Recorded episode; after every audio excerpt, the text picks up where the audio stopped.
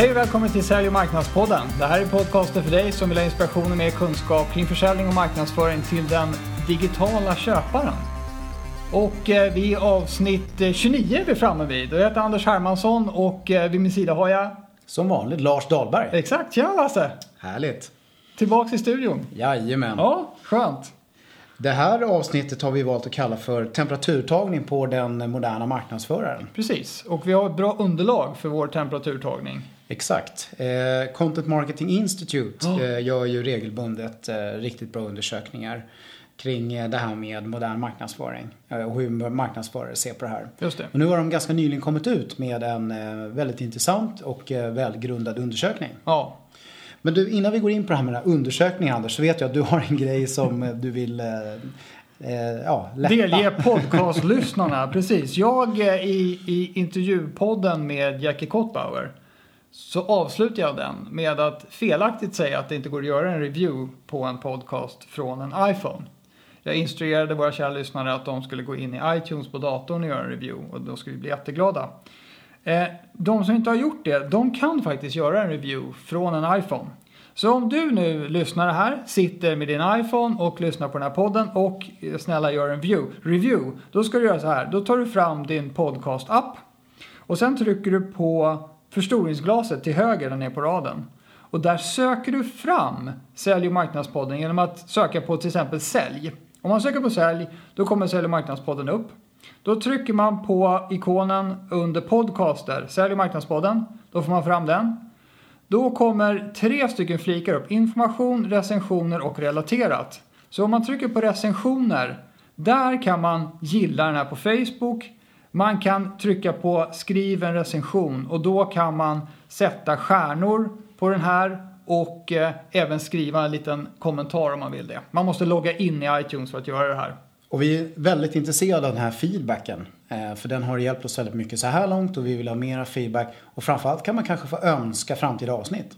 Just det, man kan önska till exempel intervjupersoner. Japp. Det vore bra. Så gör det. Vad bra. Men du, vet du vad? Nu tror jag vi kastar oss över den här temperaturtagningen. Det gör vi. Eh, Den här undersökningen som Content Marketing Institute har gjort eh, påstår vi ju är, eh, är väldigt bra. Det är väldigt mycket bra information, bra data. Och det är faktiskt så att det här är ju Content Marketing Institute är ett amerikanskt företag. Eh, Men den här undersökningen är faktiskt, ja, kanske inte global, men i alla fall från företag från väldigt många olika delar av världen. Ja, och det var, var, inte, det var över, lite över 5000 personer som har svarat. Exakt, så det är en ganska stor urval av, av människor. Alla de här är också marknadsförare, de har olika typer av marknadföringstitlar. Ja, Eh, sen är det ju eh, bara B2B vi pratar om här nu. Exakt. Eh, det är business to business företag. Eh, det är ganska olika blandningar på branscherna.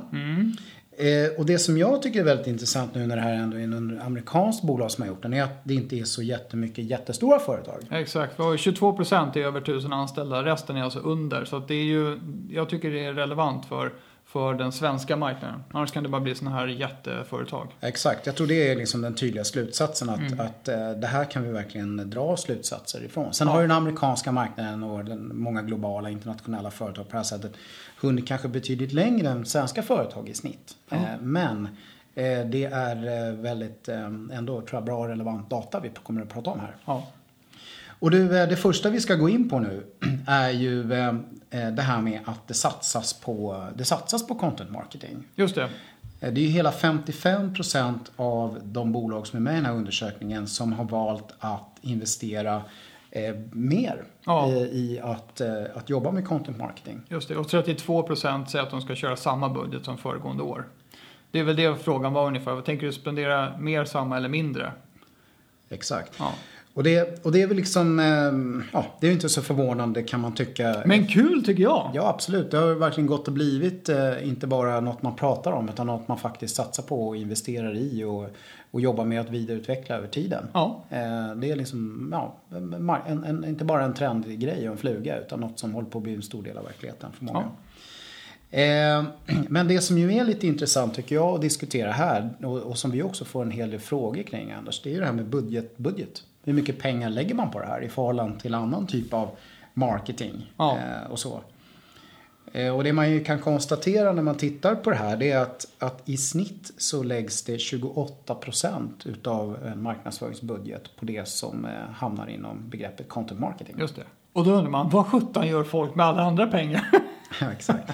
Men så här är det ju mycket inom B2B. eh, Att många vill satsa och har börjat satsa på content marketing och digital marknadsföring och så. Men, men eh, man kan ju inte lägga alla pengarna på det direkt. Nej. Utan det är ju lite grann av en... eh, Köparna blir mer och mer digitala och, och det är inte, man vågar inte satsa alla äggen på den här korgen. Och, eh, och sådär. Och, och det går ju inte heller bara att ställa om från det ena året till det andra. Utan, utan man har ju liksom olika typer av åtaganden kopplat till ja, äldre principer och annan typ av marknadsföring som man Ja. ändå känner att Och, behöver och, man, göra. och man kan säkert eh, borra en hel del i de här siffrorna om man skulle vilja göra det. Och, och, och så, så kanske det är vissa som säger att den årliga svindyra kundkonferensen är inte content marketing till exempel.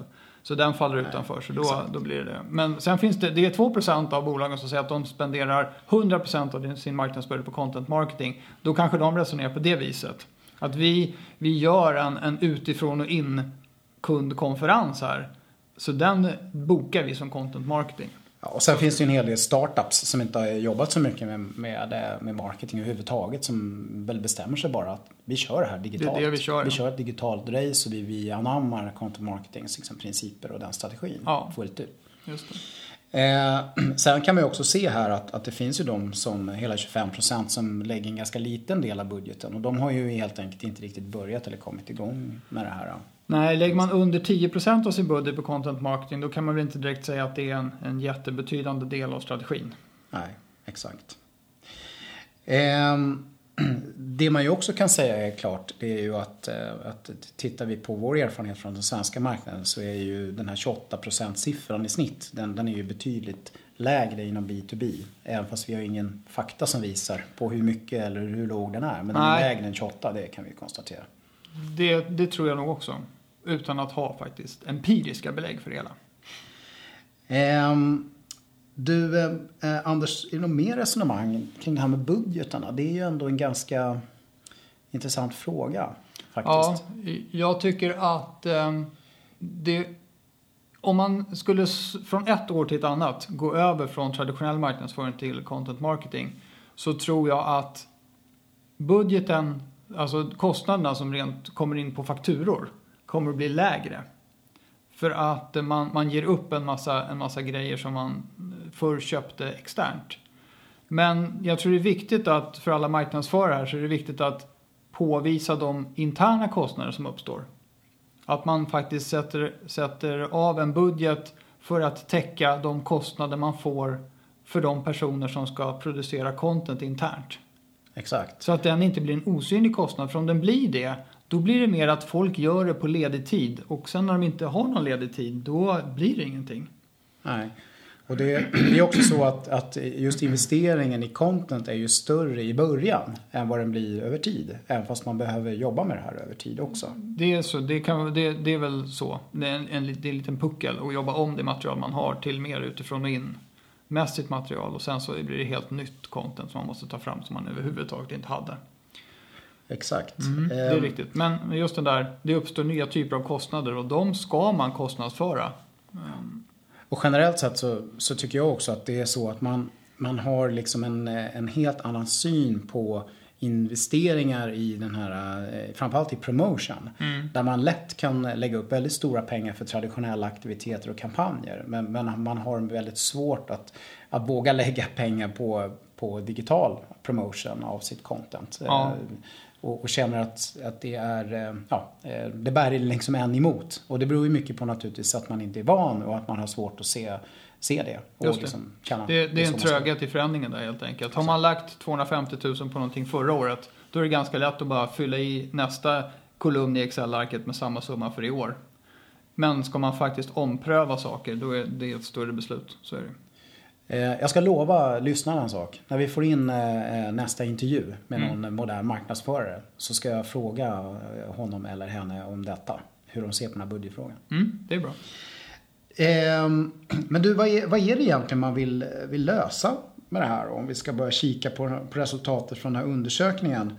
Ehm, Och då är det så här att, att det som sticker ut allra, allra överst är ju faktiskt varumärkesbyggande. Ja. Men vet du vad som är kul? Det, om man kollar siffrorna på de här fem översta grejerna. Så om man säger så här, vad vill du lösa med content marketing? Då kommer de fem översta grejerna. Då har folk svarat 84% säger en, 83% säger nummer två och 81% på nummer tre, 75% på nummer fyra och 74%. Man vill lösa allting med content marketing. Exakt. The silver sorts, bullet. eh, Där precis, har du grejen. Just nu är förväntningarna på content marketing höga. Ja. Det, det jag tycker är väldigt intressant, som jag också har diskuterat med några, några amerikaner, eh, är att, eh, att det här med varumärkesbyggande, att, att marknadsförare sätter det väldigt högt och hög, höga förhoppningar kring det. Det är ganska självklart kan man tycka. Ja. Eh, Men sen kommer faktiskt lead generation och sen kommer den tredje är engagement. Och, och, och det här resonemanget då eh, är så här att, att marknadsförare verkligen ser det här med lead generation som så väldigt viktigt eh, att åstadkomma. Tycker jag är jätteintressant. För jag tror, hade man frågat bara för ett antal år sedan så hade ju B2B-marknadsförare sagt att lead generation också är viktigt. Men Jaha. inte så här viktigt. Det är till och med i stort sett lika viktigt som brand awareness. Och sen det här med engagement. Det handlar ju om att skapa människor som vill följa en i den digitala världen tidigt när man jobbar med content marketing. Att skapa engagement och få liksom följare. Och just att man viktar de här tre så pass jämnt tycker jag är intressant. Att man förstår att de har en relation till varandra. Brand awareness är väldigt viktigt. Eh, och, för, och engagement är viktigt och liksom lead generation är viktigt. Alla de här tre hänger liksom ihop. Man måste liksom, ska man kunna få lead generation behöver man engagement. Och för att kunna få engagement behöver man brand awareness och så vidare. Mm, ja, det. det, tycker jag är, är intressant och, och det var även de här amerikanerna inne på att det är, det är en jätteintressant utveckling. Mm. Det man ser att det finns en mognad här, att man ser det på det sättet Ja. eh, kring hela grejen. Och det är bra att det finns en tydlig koppling till sälj. Att man Exakt. har, det är trots allt eh, lead nurturing, alltså att man, om man tar hand om ett lead under en längre tid innan, innan man så här, skickar dyra säljresurser på det. Det är 74% och sälj, att man vill förbättra försäljningen, det är 75%. Så att det, det är bra, för jag propagerar ju ständigt så ofta jag kan på det här med att sälj och marknadsprocessen måste, måste smälta ihop till en affärsgenereringsprocess. Och jag tycker det här borgar lite grann för det. Jag vet inte dock hur, det vore intressant att se vad säljavdelningarna skulle säga att content marketing är till för. För det här är ju marknadsförarna. Exakt. Kanske en undersökning vi får. Ja, vi får göra det. Men, men eh, om man tittar längst ner i den här eh, tabellen så, så står det ju upsell och crosssell längst Ja, ner faktiskt. Och sen så står det customer evangelism. Ja, Och, och då, då kan jag säga så här, min känsla är att de där kommer att öka signifikant när man gör den här undersökningen om ett år eller två eller kanske tre. Eh, därför att, att det har varit väldigt mycket fokus på, på liksom att få in nya affärer och generera leads och sånt eh, när man har investerat och satsat kring content marketing och digital marknadsföring. Men, men eh, det här med customer evangelism och skapa liksom, eh, väldigt glada kunder som rekommenderar den igen och, och, och jobba med att, att få befintliga kunder att köpa mera med hjälp av den här strategin. Det tror jag kommer komma ja, mycket. ja.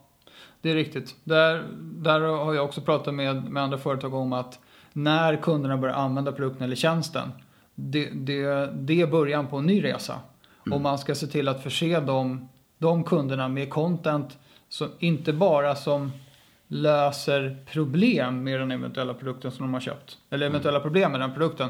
Utan också content som de kan dela vidare till andra. För de är, om, om de är nöjda så kommer de med stor sannolikhet att bli de här evangelisterna. Om man gör det enkelt för dem att vara det. Exakt. Och det är också så att har man byggt upp och satt upp det här korrekt och fått det att fungera för att, eh, att skapa brand awareness, och lead generation och engagement och så kopplat till nya, nya kunder och nya affärer. Så är det faktiskt inte så svårt att vidareutveckla hela konceptet för att även ta hand om, om eh, kunderna när de har köpt och, och, och skapa de här grejerna med, med eh, evangelism och advocacy och cross-sell och upsell faktiskt. Just det. Vi tittar ju faktiskt på en annan. Vad var det för rapport? Det var någonting eh, med det här mognadsgraden inom content marketing. Där var det nästan den tredje högsta mognadsgraden. Då hade man även blandat in customer support i den här content marketing-processen. Eller hur? Så det var, då var, det. det är en väldigt hög grad av mognad när man eh, Har gjort det ja. Ja, har gjort det. Inte bara, det. Det, är ju liksom inte bara en sälj och marknadsgrej utan även, även jobba med, med det på kundsupport. ja. Men du, eh, det finns ju utmaningar såklart. Eh, Ja, jag har hört det. Ja. Precis. Eh, Och om vi skulle kika lite grann på vad undersökningen säger om det så är det väl inte så konstigt att, att mycket av utmaningen handlar om det här med content. Eh, men det är väldigt mycket tvådelat. Det är både utmaningar att skapa content som engagerar och, och som verkligen blir relevant. Eh, men det är även själva processen att skapa contentet eh, löpande och få den eh, maskinen att fungera. Så att Just säga. det. Beviset på att man har gått ifrån kampanjtänket till den mer redaktionella marknadsföringen. Ja, de två anses vara liksom, de största utmaningarna. Ja. Eh, helt klart. Eh, och de, det är två lite olika saker men det hänger ju också ihop ganska mycket. Ja, Jag tycker att de, och min lilla analys av att de här två utmaningarna är de största, det är att för att skapa engagerande content och göra det kontinuerligt sätt så behöver marknadsavdelningen sträcka sig utanför sina normala ramar. Exakt. Det är ingenting man kan vispa ihop själv som det var förr i tiden när man staplade några adjektiv på varandra och körde en annonskampanj. Det fixar man liksom internt på marknadsavdelningen eller tillsammans med byrån. Glada marknadsförare satt tillsammans i ett rum och kom på grejer. Nu måste de liksom jobba tillsammans med konsulter, produktexperter, säljare för att får ihop ett content. Det är, det är en ny arbetsuppgift för både marknadsförarna och alla de andra inblandade. Så därför ser jag att det är en utmaning. Alltså det är verkligen någonting man måste börja göra och man måste börja göra det bra ganska snabbt. Och det är verkligen ingenting som man gör idag. Nej. Det, Och det är helt plötsligt då folk som aldrig har ägnat sig åt marknadsföring, om man säger rent konkret, som helt plötsligt ska sätt- sätta av tid till det där och göra saker som de inte är riktigt vana vid. Så det här är den största förändringsaspekten. Ja, sen kommer ju då trean är ju, är ju measurement, alltså att mäta grejerna. Och det kan man ju känna att det kanske är rätt förvånande å andra sidan. För att det som händer när man jobbar med de här grejerna och implementerar på rätt sätt och rätt verktyg, det är att då kan man ju verkligen mäta allt. Ja, jag varit också lite förvånad att det, att det var en sån tydlig utmaning kring det. Men det, det är väl så att, eh, att det, det finns väl som vanligt då, eh, vi marknadsförare är ju inte så extremt bra på det historiskt sett. Vi är inte liksom så vana att hålla på med det. Men sen tror jag det finns, finns en, en problematik här och det är liksom vad är det vi ska mäta? Man kan ju mäta allt. Och, eh, och vad är det liksom som vi liksom vill mäta? Liksom, vad, vad är eh, effektivitet? Ja, precis. Det, det, för det stod ju det som att measuring content marketing effectiveness. Och, och det kanske är det folk hakar upp sig på. Hur, hur mäter jag hur effektivt det här är nu då? Man kan se olika saker, olika kanske mer interna marknads-KPI och sådär. Men hur vet jag i slutändan vad, vad effektivitet? Och jag, jag menar, då får man ju bestämma sig för hur man definierar effektivitet. Sen tror jag att det är, det är många marknadsförare som känner att man kan mäta sånt som är viktigt för mig för att förstå hur det här fungerar och hur jag ska göra det här bättre. Men det är inte alltid så lätt att mäta de här grejerna som verkligen visar på liksom affärsvärde och det, det som är väldigt viktigt för företaget. Då måste man verkligen ha tänkt till och, Ja. eh, och liksom ha satt det här i system strukturerat för att få till det. Vi gjorde ju en övning där vi, eh, där vi eh, man, man använde den här bakvända trattmodellen. Och så där, där får man ju på det sättet reda på, med hjälp av medelstorlek på affärer och sådär, då får man ju reda på vad varje steg i processen är värd. Så varje ny, vad är varje ny person in på webben värd i kronor eh, i medeltal? Det är och det blir, det är bra att göra den, den övningen för då kommer alla att kunna vara motiverade av att se de här siffrorna som pluppar upp sen i Google Analytics och andra system. Exakt. Eh, sen är det alltid intressant att se lite grann vad är det för saker man faktiskt mäter då? Ja, just det. Eh, och där, där kan vi väl direkt eh, rekommendera ett tidigare poddavsnitt. Eh, Ja, det, gjorde, det var bra. Där var du bra Lasse. Där gick, vi, där gick vi lite på djupet med det här. Eller på djupet, men vi pratade ganska mycket om det här med mätandet. Ja. Eh, så där, där kan ni lyssna på det avsnittet om ni inte har lyssnat på det än. Men vad undersökningen säger Mm. är, ju, är ju att det är liksom webbtrafik. Det, Ja. är, det, är liksom, det, är det, eh, det är det som är viktigt att mäta. Mm. Väldigt tydligt faktiskt det viktigaste också. Eh, sen är det liksom kvalitet på Mm. leads. Just det. Det är, det är liksom den här äh, kvalificeringen. Är det kvalificerat eller inte? Ja, är det måste ju vara det. Är det, det är helt plötsligt då, hur, hur många leads är det som kommer tillbaks till marknad? För det brukar vara, processen brukar ju vara så att marknad så att säga påstår att det här är ett lead. Och Mm. så tittar sälj på det och så antingen fullföljer de och säger ja, det här var ett lead. Eller så skickar de tillbaks det. Sen är det då det här begreppet conversion rates. Och det är, det är ju naturligtvis för, förståeligt att, att man vill mäta det. Det är nästan så att jag skulle kunna känna att man borde lyfta upp det ännu mer.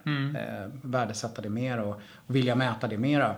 Eh, men eh, men det, är, det är i alla fall ett viktigt. Och det är ju, conversion är ju helt enkelt att man, eh, där, där man får liksom koll på de som kommer till en i den Ja. digitala världen. Ja. Eh, där man konverterar dem och får reda på vilka de är och, och, eh, och så att de blir ens kompisar. Just det. Det är Eh, intressant att se att längre ner på listan så kommer antal leads. Och jag tror det är någonting som man, man ska fundera över också med eh, content marketing och så. Att det är inte nödvändigtvis så att, att antalet leads kommer att gå upp sådär jättemycket när man börjar med content marketing. Men kvaliteten på dem man får kommer att gå upp. Och så effektiviteten i att generera. Så att effektiviteten i hela kedjan, från, från ax till den lilla limpan, kommer att öka. Men, men kanske inte antalet leads nödvändigtvis. Vilket inte gör någonting, bara man får hög kvalitet på de som faktiskt genereras. Längst ner i den här listan så, så finns den här subscriber growth. Alltså det, det förvånar mig kanske något att, att man inte har börjat mäta det mer. Eh, Det värdesätter det mer. Att mäta liksom de digitala följarna man faktiskt har. Det. Och hur man lyckas vidareutveckla och växa det. Ja, det sitter inte riktigt ihop med det där med engagement. För Nej. att subscribe, om någon, om någon börjar prenumerera på någonting du gör så tycker jag att det, det är ganska bra engagement. Exakt, så är det. Du, eh, det som ju, frågor faktiskt som dyker upp rätt mycket. eh, Det är ju kopplat till det här med vilket content som faktiskt funkar. Ja, just det. Och eh, det, det har de ju undersökt i den här undersökningen. Eh, eh, och det finns ganska tydliga siffror på det. Om man ska säga någonting generellt så är det ju så att, att gör man saker och ting på ett bra sätt så funkar det mesta. Det mesta, just det. Det är ganska klart så. Och det mesta är ju faktiskt ganska många olika saker. Eh, eh, jag tycker ofta det dyker upp det här med, med liksom white papers och bloggar och så. Läser folk sånt? Och det, det gör de ju helt klart. Det, det märker ju vi själva också eh, mycket. Men, men det, det som ju sticker ut är lite det här in-person eh, events. Ja. Alltså, det kan man undra, vad har det med det här att göra? Ja. Och, och det tror jag är viktigt att konstatera att, att in-person events det är alltså möten där någon står och levererar content. Eh, alltså man hjälper folk på en digital köpresa, fast i det här fallet är den ju inte digital då när man träffas. Eh, fast man gör det liksom en, i någon sorts mötesform. En och en eller flera i något sorts seminarium eller på något event eller någonting sånt där. Ja, jag tycker det. Man, man hjälper, inställningen man har när man drar folk till ett event, det är just att man ska hjälpa dem att köpa snarare än att hålla på och kränga till dem. Det gör att det är content marketing att ha det gamla hederliga frukostseminariet också.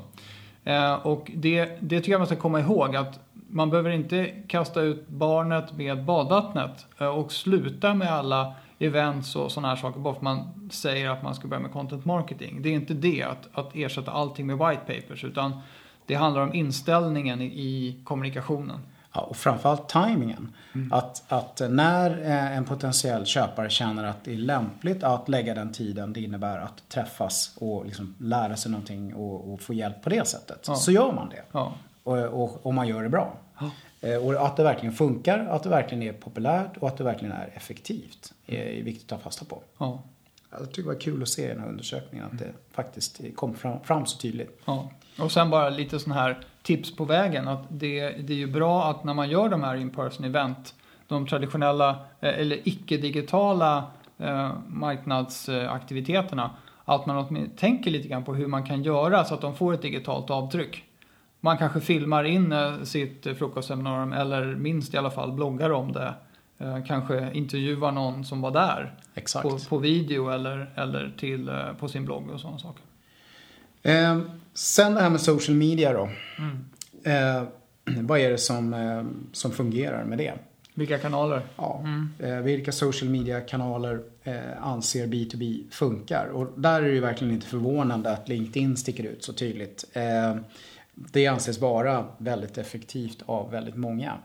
Eh, däremot kan jag känna att där gäller det verkligen att tänka till och göra det rätt. Eh, och använda det på rätt sätt. Eh, men gör man det då, då finns det en, en, en, en hög mått av effektivitet i det. Har du något så här, vad du menar med rätt sätt? Vad kan du? Ja, Jag tror ju generellt sett så gäller det ju verkligen att man eh, är noga med att man, man jobbar utifrån och in och verkligen promotar content som hjälper en viss typ av köpare. Eh, Och att man eh, kanske inte bara jobbar med sitt eget content utan även jobbar med andras content som, som är relevanta för min målgrupp och mina köpare eh, i kombination med varandra. Eh, Ja, Och vad ska jag säga, rent LinkedIn-kopplat. För det där gäller ju jämt kan man säga, att man ska Mm. vara relevant och utifrån in. Men om man tittar kopplat specifikt till LinkedIn så är ju den här möjligheten att skriva de här lite längre bloggposterna fortfarande en stor möjlighet. För de syns bra.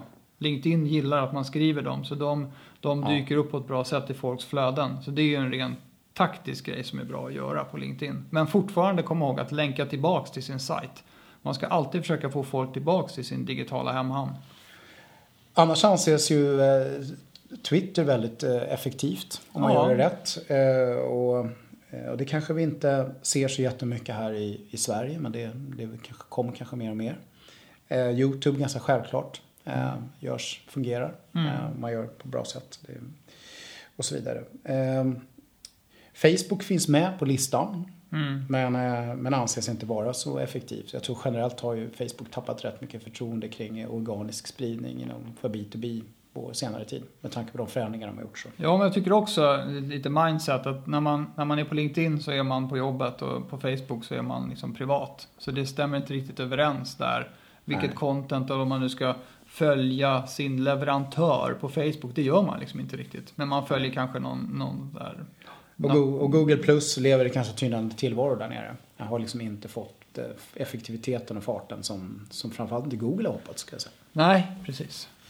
Vi får Fast se det, fanns, det, fanns en graf, det fanns en graf för det. Google är det som ökar snabbast, men från en, en liten andel. Ja, Så så det, vi har en bra bit, en bra lång väg att vandra. Ja, Google plus alltså. Eh, men du, det betalas ju också en hel del pengar för, för spridning av eh, digitalt content, Ja. av promotion. Eh, vi pratade om budgeterna tidigare, men, men vad är det man lägger pengarna eh, på då? då? Mm. Och, och där är det ju sökords, eh, sö- sökordsmarknadsföring som verkligen tydligt sticker ut. Ja, det är det. det är liksom där största delen av pengarna Där läggs. kammar Google hem Där kan man storkovan. Google Ja. kammar hem den där. Eh, eh, när det gäller content marketing så är fortfarande print en ganska stor grej. Ja men är, alltså, jag, den här frågan lite grann, eh, undrar hur den är ställd? Ja. Är det så här, ja bra, hej du har en budget och, och vad, nej, ja det är faktiskt, Mm. hur promotar du ditt content? Och då är det 52% som säger att de använder print och offline för att promota sitt Och content. jag tror beror mycket på de Det här känns i, ju- nyhetstidningarna och nyhetsgrejerna som görs digitalt men de görs även i print. Det är dyrt sånt där Anders. det Du menar att det är liksom är kundtidningen som kostar Ja, jag tror att eh, exakt. Vilket ofta anses numera vara liksom content marketing. Ja, vi har ju en hel bransch som har numera sopat av dammet av kundtidningen och nu kallas för content marketingföretag. Det är ju rätt. Det här, och sen det här fenomenet native advertising. Eh, att man digitalt annonserar eh, med sitt eh, innehåll tillsammans med annat innehåll. Det, det är ju faktiskt en ganska stor grej. 34 procent totalt sett. Eh, och, En av de mindre här dock, men det står ju med på listan. Exakt, och det kommer ju från ingenting bara för ett år sedan eller två. Eh, ja, vad säger vi? Det var lite temperaturtagning det där. Ja, eh, alltså eh, det är en stor, ganska stor andel som lägger en hyfsat liten del av sin budget fortfarande på content marketing. Men tillflödet av företag som lägger en allt större del är, är stort. Det tycker jag är jättebra för jag anser att content marketing är ett sunt sätt att marknadsföra sig på. Eh, och sen så har vi eh, de olika sociala kanalerna, vi har lite mätvärden. Det var en utmaning med mät, att mäta, vilket jag inte riktigt förstod för att eh, det går ju att mäta. Fram, jo, exakt. Men, men framför allt det här med att, eh, att skapa relevant, bra content och få det här till att bli en bar, normal process i vardagen är Mm. liksom den största utmaningen. Ja. Det, Och om man ska försöka sig på något sånt här tips så är det, tycker jag i de allra flesta sammanhang, viktigt att visa vad det är som kostar pengar och vad det är som drar resurser. Så jag skulle säga att, att för att hantera de här två översta utmaningarna med att komma igång med en kontinuerlig produktion av relevant content så behöver man se till att man har en budget även för den interna kostnaden som uppstår för de personer som ska producera content. Synliggör den kostnaden och få okej på den av ledningen. För annars blir det så att folk gör content lite grann när de har tid och oftast har de inte tid så det blir ingen content så stannar hela maskinen precis. Eh, annars avslutningsvis så, eh, så skulle vi väl bara kanske vilja påminna eh, om att eh, vi har startat det här nya eh, konceptet med eh, sälj och marknadsfrukostarna. Just det. Man kan komma in på www.businessreflex.se och titta under aktiviteter. Eh, och där kan man boka sig på frukostar där vi tar upp ett antal olika intressanta ämnen. Mm. Och försöker hjälpa till och lära ut kring det. Eh, och vi gör det här i ett ganska litet trevligt forum. Så att man kan eh, dessutom få nätverka och, och träffas. Vi har genomfört någon sån här nu. De börjar till och med byta visitkort med varandra och ja. Jättebra. Jag tror det där Jättebra. är, det är riktigt värde, det känns som det är värdeskapande. Och eh, de här blir ju fulla. De här, för Ja. vi, vi har inte världens största platser. frukostbord. Eh, Så det, det kan vara bra att tänka på. Annars så eh, kan vi väl förvarna lite att vi har ett par eh, intressanta intervjuer som kommer komma upp i eh, Sälj och marknadspodden. Vi hade ju nyligen eh, Jackie och eh, vi har ett par andra som är på väg Mm. som jag tror kan vara väldigt intressanta att Det är en liten på. cliffhanger. Du säger inte vilka det är. Nej, Nej. Men vi kan säga att minst en av dem har fått Nobelpris. Nej, det har de inte. i marknadsföring. Ja, Men du, ska vi göra som vanligt nu då? jag tror det. Vi får eh, avsluta med en liten uppmaning. Ja, Att man ska vara relevant. relevant. Tack och hej! Hej då!